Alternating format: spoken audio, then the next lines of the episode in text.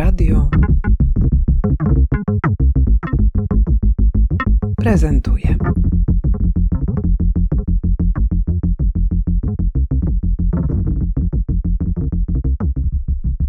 Nazywam się Ewa Klekot. Jestem antropolożką kultury, ale jest to dyscyplina, która w Polsce oficjalnie nie funkcjonuje. Nie ma takiej dyscypliny.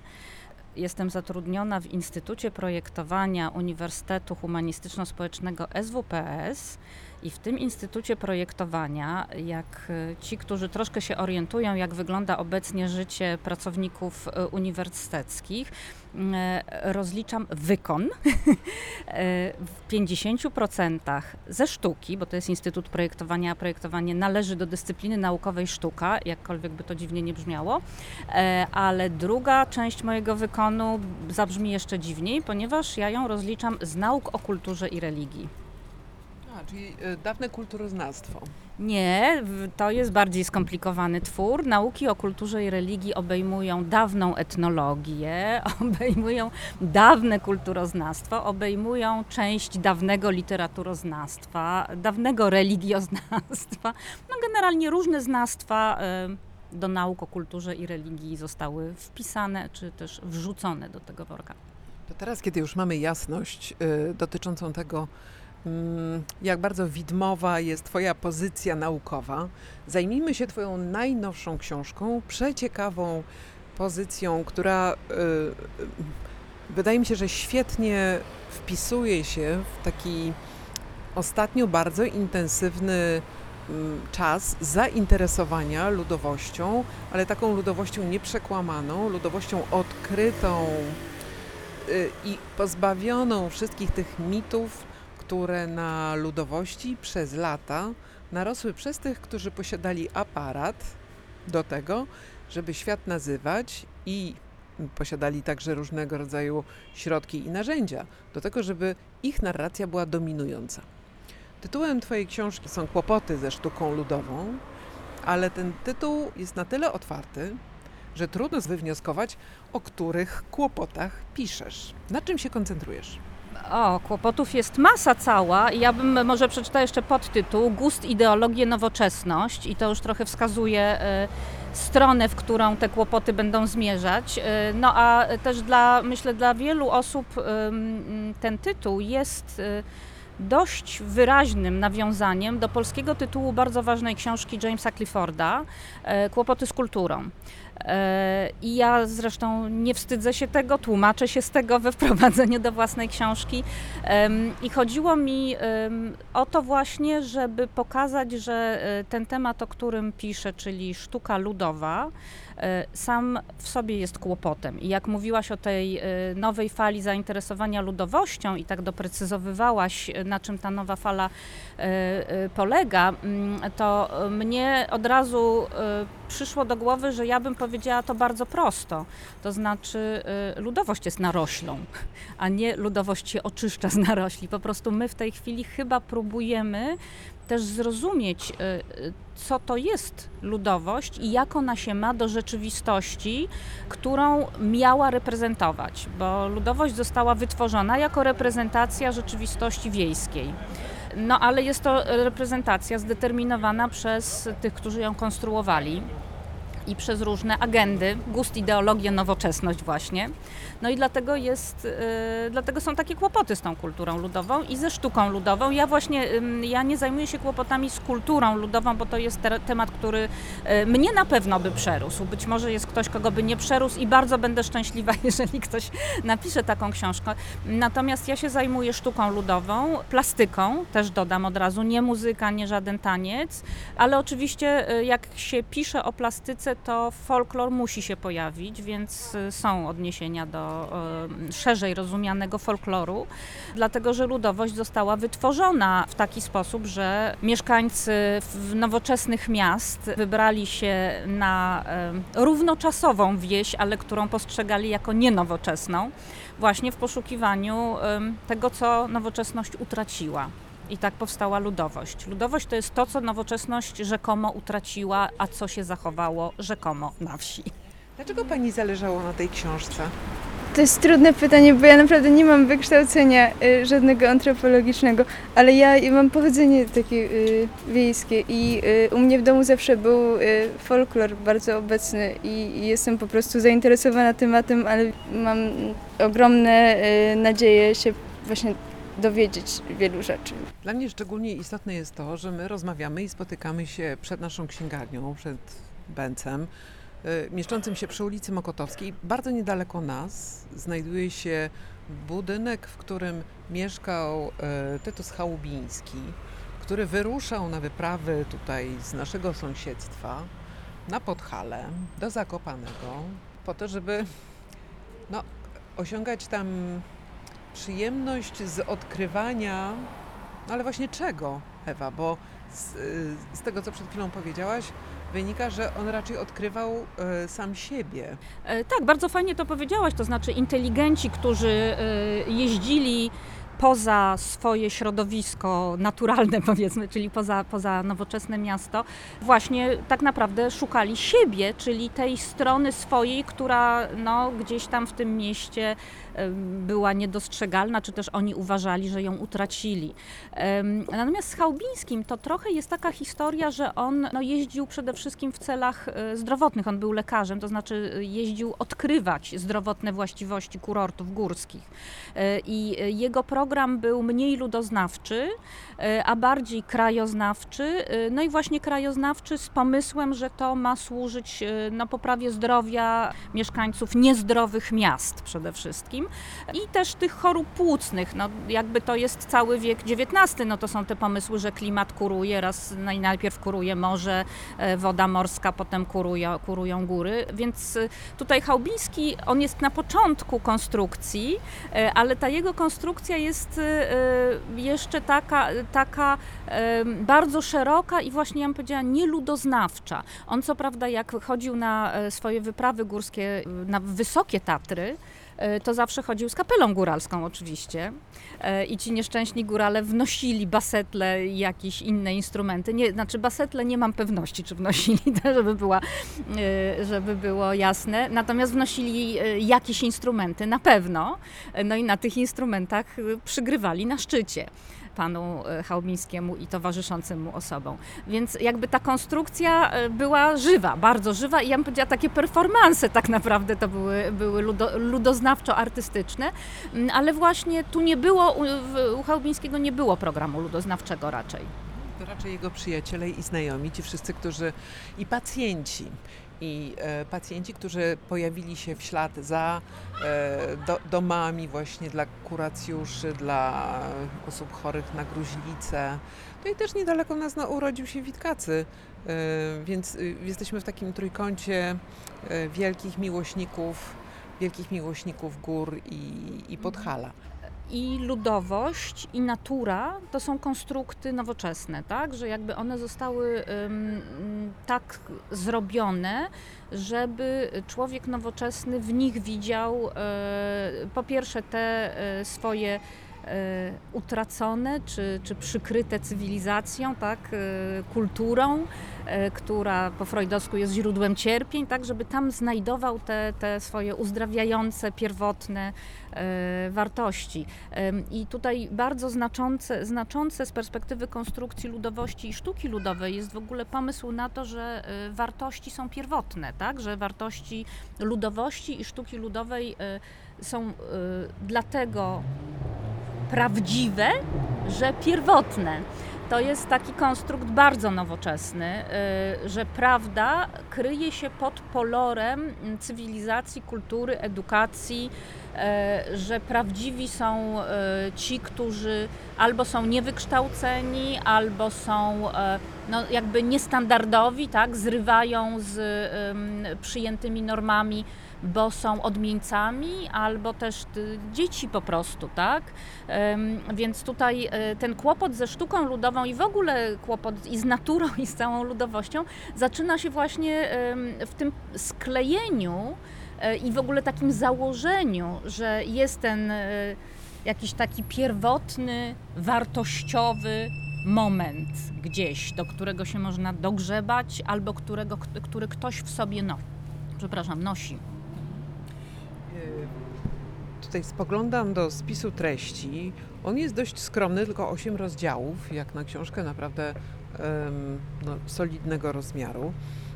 Mam ochotę Cię zapytać o rozdział trzeci. Styl ludowy, styl narodowy. Tak, no styl ludowy, styl narodowy to jest rozdział, w którym e, opowiadam głównie o tym, jak angażowano ludowość rozumianą jako styl formalny, e, bo to, do tego, żeby powstał styl ludowy jako styl narodowy, konieczne jest e, zrozumienie, wymyślenie, że ludowość może mieć jakąś, jest jakąś formą artystyczną, prawda? No bo jak mówimy o stylu, to znaczy, że jest jakaś forma, tak? W tych poprzedzających rozdziałach trochę staram się wyjaśnić, jak do tego doszło, że w ogóle ludowość e, została uznana za rodzaj estetyki. Bo to jakby sprowadzenie, sprowadzenie tego, co dzieje się na XIX-wiecznej wsi do wymiaru estetycznego, to jest właśnie wytworzenie ludu. To znaczy lud i ludowość to jest wybranie z tej rzeczywistości XIX-wiecznej wsi tych elementów, które dla e, mieszkańców miasta, inteligentów, były atrakcyjne, e, przede wszystkim dlatego, że były formalnie atrakcyjne. E, No ale za tą formą się miały kryć te pierwotne wartości, prawdy i tak dalej. Ale one by, były jakoś formalnie odmienne od tego, co było w mieście i dlatego były atrakcyjne. Cały ten proces e, wytwarzania ludowości polegał w dużej mierze na tym, że z tej skomplikowanej rzeczywistości XIX-wiecznej wsi e, wybierano pewne elementy, które no, były wartościowe według systemu wartości tych, którzy je wybierali, czyli tych, którzy przyjechali tam i doszło do spotkania między mieszkańcami wsi a inteligentami i inteligenci mieli pewną agendę, tak? Oni wybierali według tego, co ich interesowało, co nie jest niczym złym i dziwnym, ale trzeba zrozumieć, że ta reprezentacja pod tytułem ludowość, ona jest oparta na świadomej selekcji albo nieświadomej, bo oczywiście też inteligenci byli uwarunkowani swoim pochodzeniem społecznym, czyli gust ich był, y, no, mieli ucieleśniony swój gust, prawda? Więc to wybieranie w pewnym momencie doprowadziło do tego, że y, te wybrane rzeczy zdefiniowały y, formę, tak? zdefiniowały y, pewne wartości estety- estetyczne, cechy estetyczne.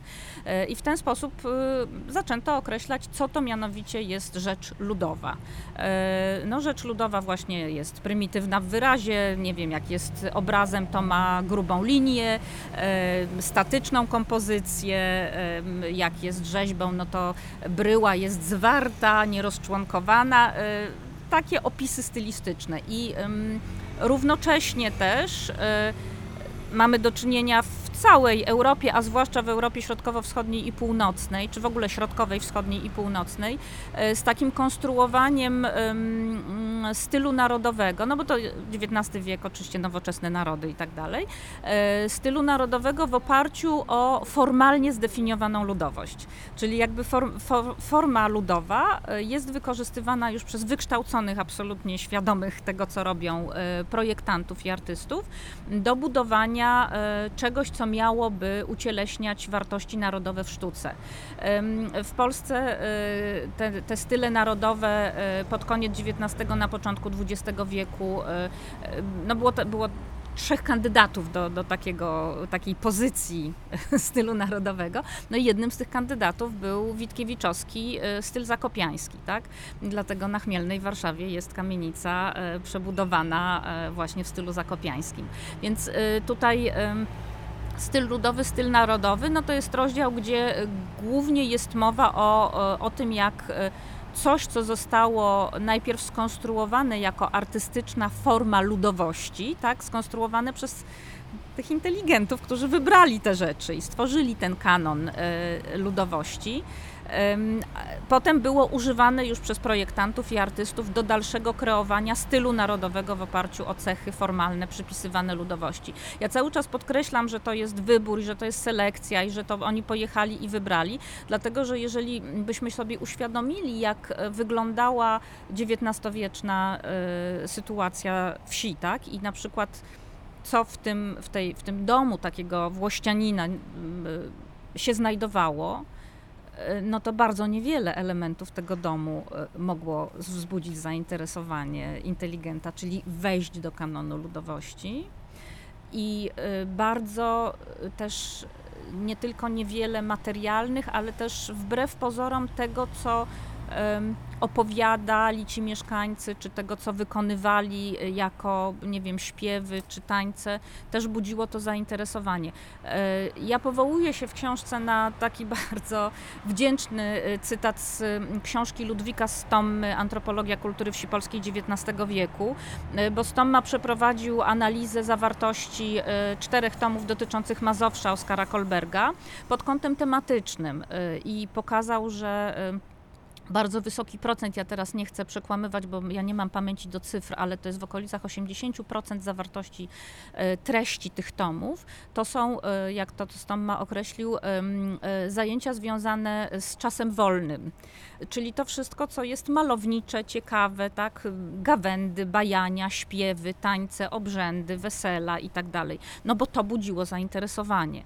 Natomiast no, jeżeli byśmy z perspektywy takiego mieszkańca wsi popatrzyli, no to dla niego wesele zdarzało się raz w życiu, dwa razy w życiu, trzy razy w życiu ewentualnie, tak? Znaczy nie mówię własne, nawet wesele kogoś innego, prawda?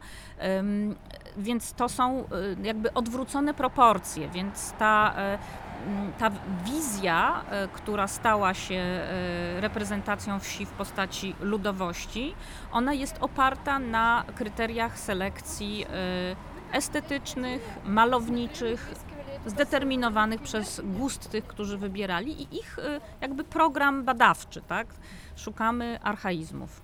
No to Słuchaj, to mm, z tego wszystkiego rozumiem, że tutaj bardzo ważną figurą są ci, którzy patrzą. no zdecydowanie. To znaczy ci, którzy, ci, którzy najpierw ci, którzy słuchają i y, zachwycają się dźwiękiem i słowem, bo zaczyna się od zbierania pieśni, tak? Znaczy w ogóle zaczyna się od poezji e, i ym, to są te wczesno-XIX-wieczne e, konstrukty, to jest poe, poezja e, zbierana ustna, tradycja, właśnie gawędy, jakieś zagadki, porzekadła, powieści, baśnie i to, to się zaczyna od twórczości słownej. E, Co zresztą jest e, znaczące. Dlaczego? No dlatego, że zanim e, wykształcone oko było w stanie dostrzec atrakcyjność tak zwanej formy ludowej, no to musiało rozwalić akademizm, tak? To znaczy dopóki e, wszyscy byli socjalizowani, wszyscy mówię wykształceni, socjalizowani do akademickiego kanonu reprezentacji, no to nie mogli w tych stojących w wiejskich kapliczkach, rzeźbach czy obrazach wiszących w wiejskich chałupach zobaczyć niczego atrakcyjnego. To były bohomazy, nieudane jakieś e, naśladownictwa akademizmu. I właśnie dopiero awangarda, e, dopiero ta pierwsza awangarda doprowadziła do tego, że e, artyści zaczęli widzieć atrakcyjność tych e, obiektów. E, I pierwszy raz takie rzeczy, właśnie nie wzornictwa, nie rze- rzeźbiony czerpak, bo rzeźbiony czerpak to się mógł podobać wcześniej, ale e, obrazki, obrazy na szkle, tak? Mówię obrazki, bo tak się przyjęło, one faktycznie formatowo są nieduże, ale to brzmi tak trochę jakbym była poufała z nimi, a to zupełnie nie o to chodzi. Obrazy na szkle, które miewali w domach w XIX wieku, mieszkańcy Podhala i w ogóle e, no, Podkarpacia, też w Pieninach i tak dalej. Te obrazy, e, one znalazły się e, po raz pierwszy jakby w obiegu artystycznym, stały się sztuką dzięki ekspresjonistom. Najpierw Kandyński obrazy bawarskie znobilitował, że tak powiem, a zaraz potem polscy ekspresjoniści, czyli 1917 i wystawa formistów pierwsza i oni tam powiesili te obrazy obok swoich obrazów. I to jest moment, kiedy t- t- t- ta forma w ogóle zaczęła być nośna.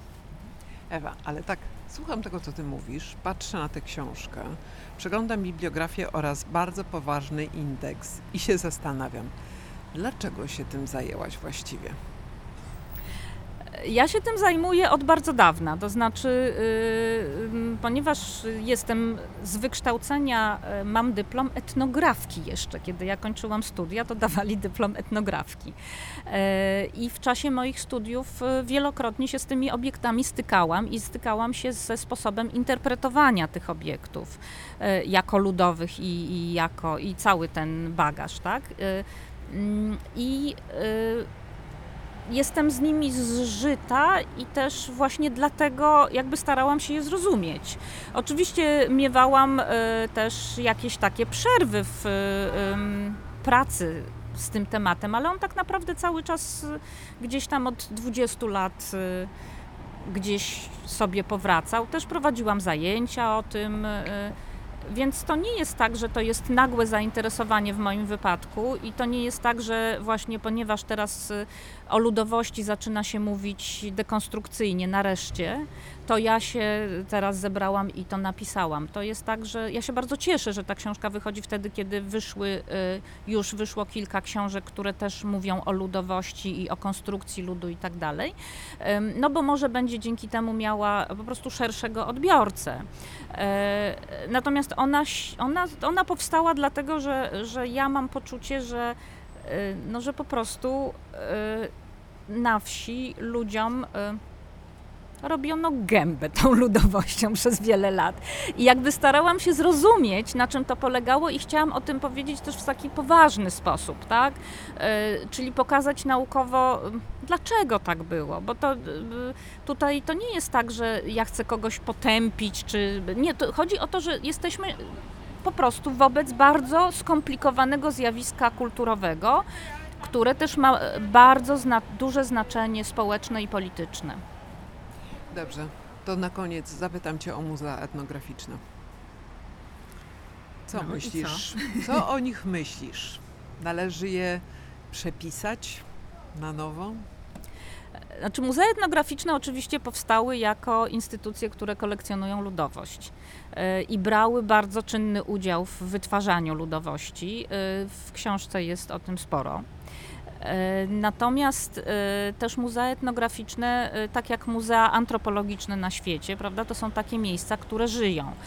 I tak jak muzea antropologiczne jakby przemyśliwują krytycznie swoje zbiory, e, no tak samo e, pewnie robią to z różnym skutkiem muzea etnograficzne, ale myślę, że, e, że, tak, że tu chodzi o zwrot krytyczny, to znaczy on się dokonał w antropologii tak już w latach 80. i cały czas staramy się, żeby, żeby coraz więcej jakby ludzi poza e, światem naukowej humanistyki zdawało sobie sprawę z tego, że, e, że, to, że nam nie chodzi o to, żeby zdekonstruować i zostawić, tylko chodzi o to, żeby wskazać mechanizmy konstrukcyjne, bo dzięki temu my, którzy dalej uczestniczymy w wytwarzaniu kultury, e, jesteśmy bardziej świadomi tego, co robimy, a jeżeli jesteśmy bardziej świadomi, no to możemy to robić bardziej odpowiedzialnie.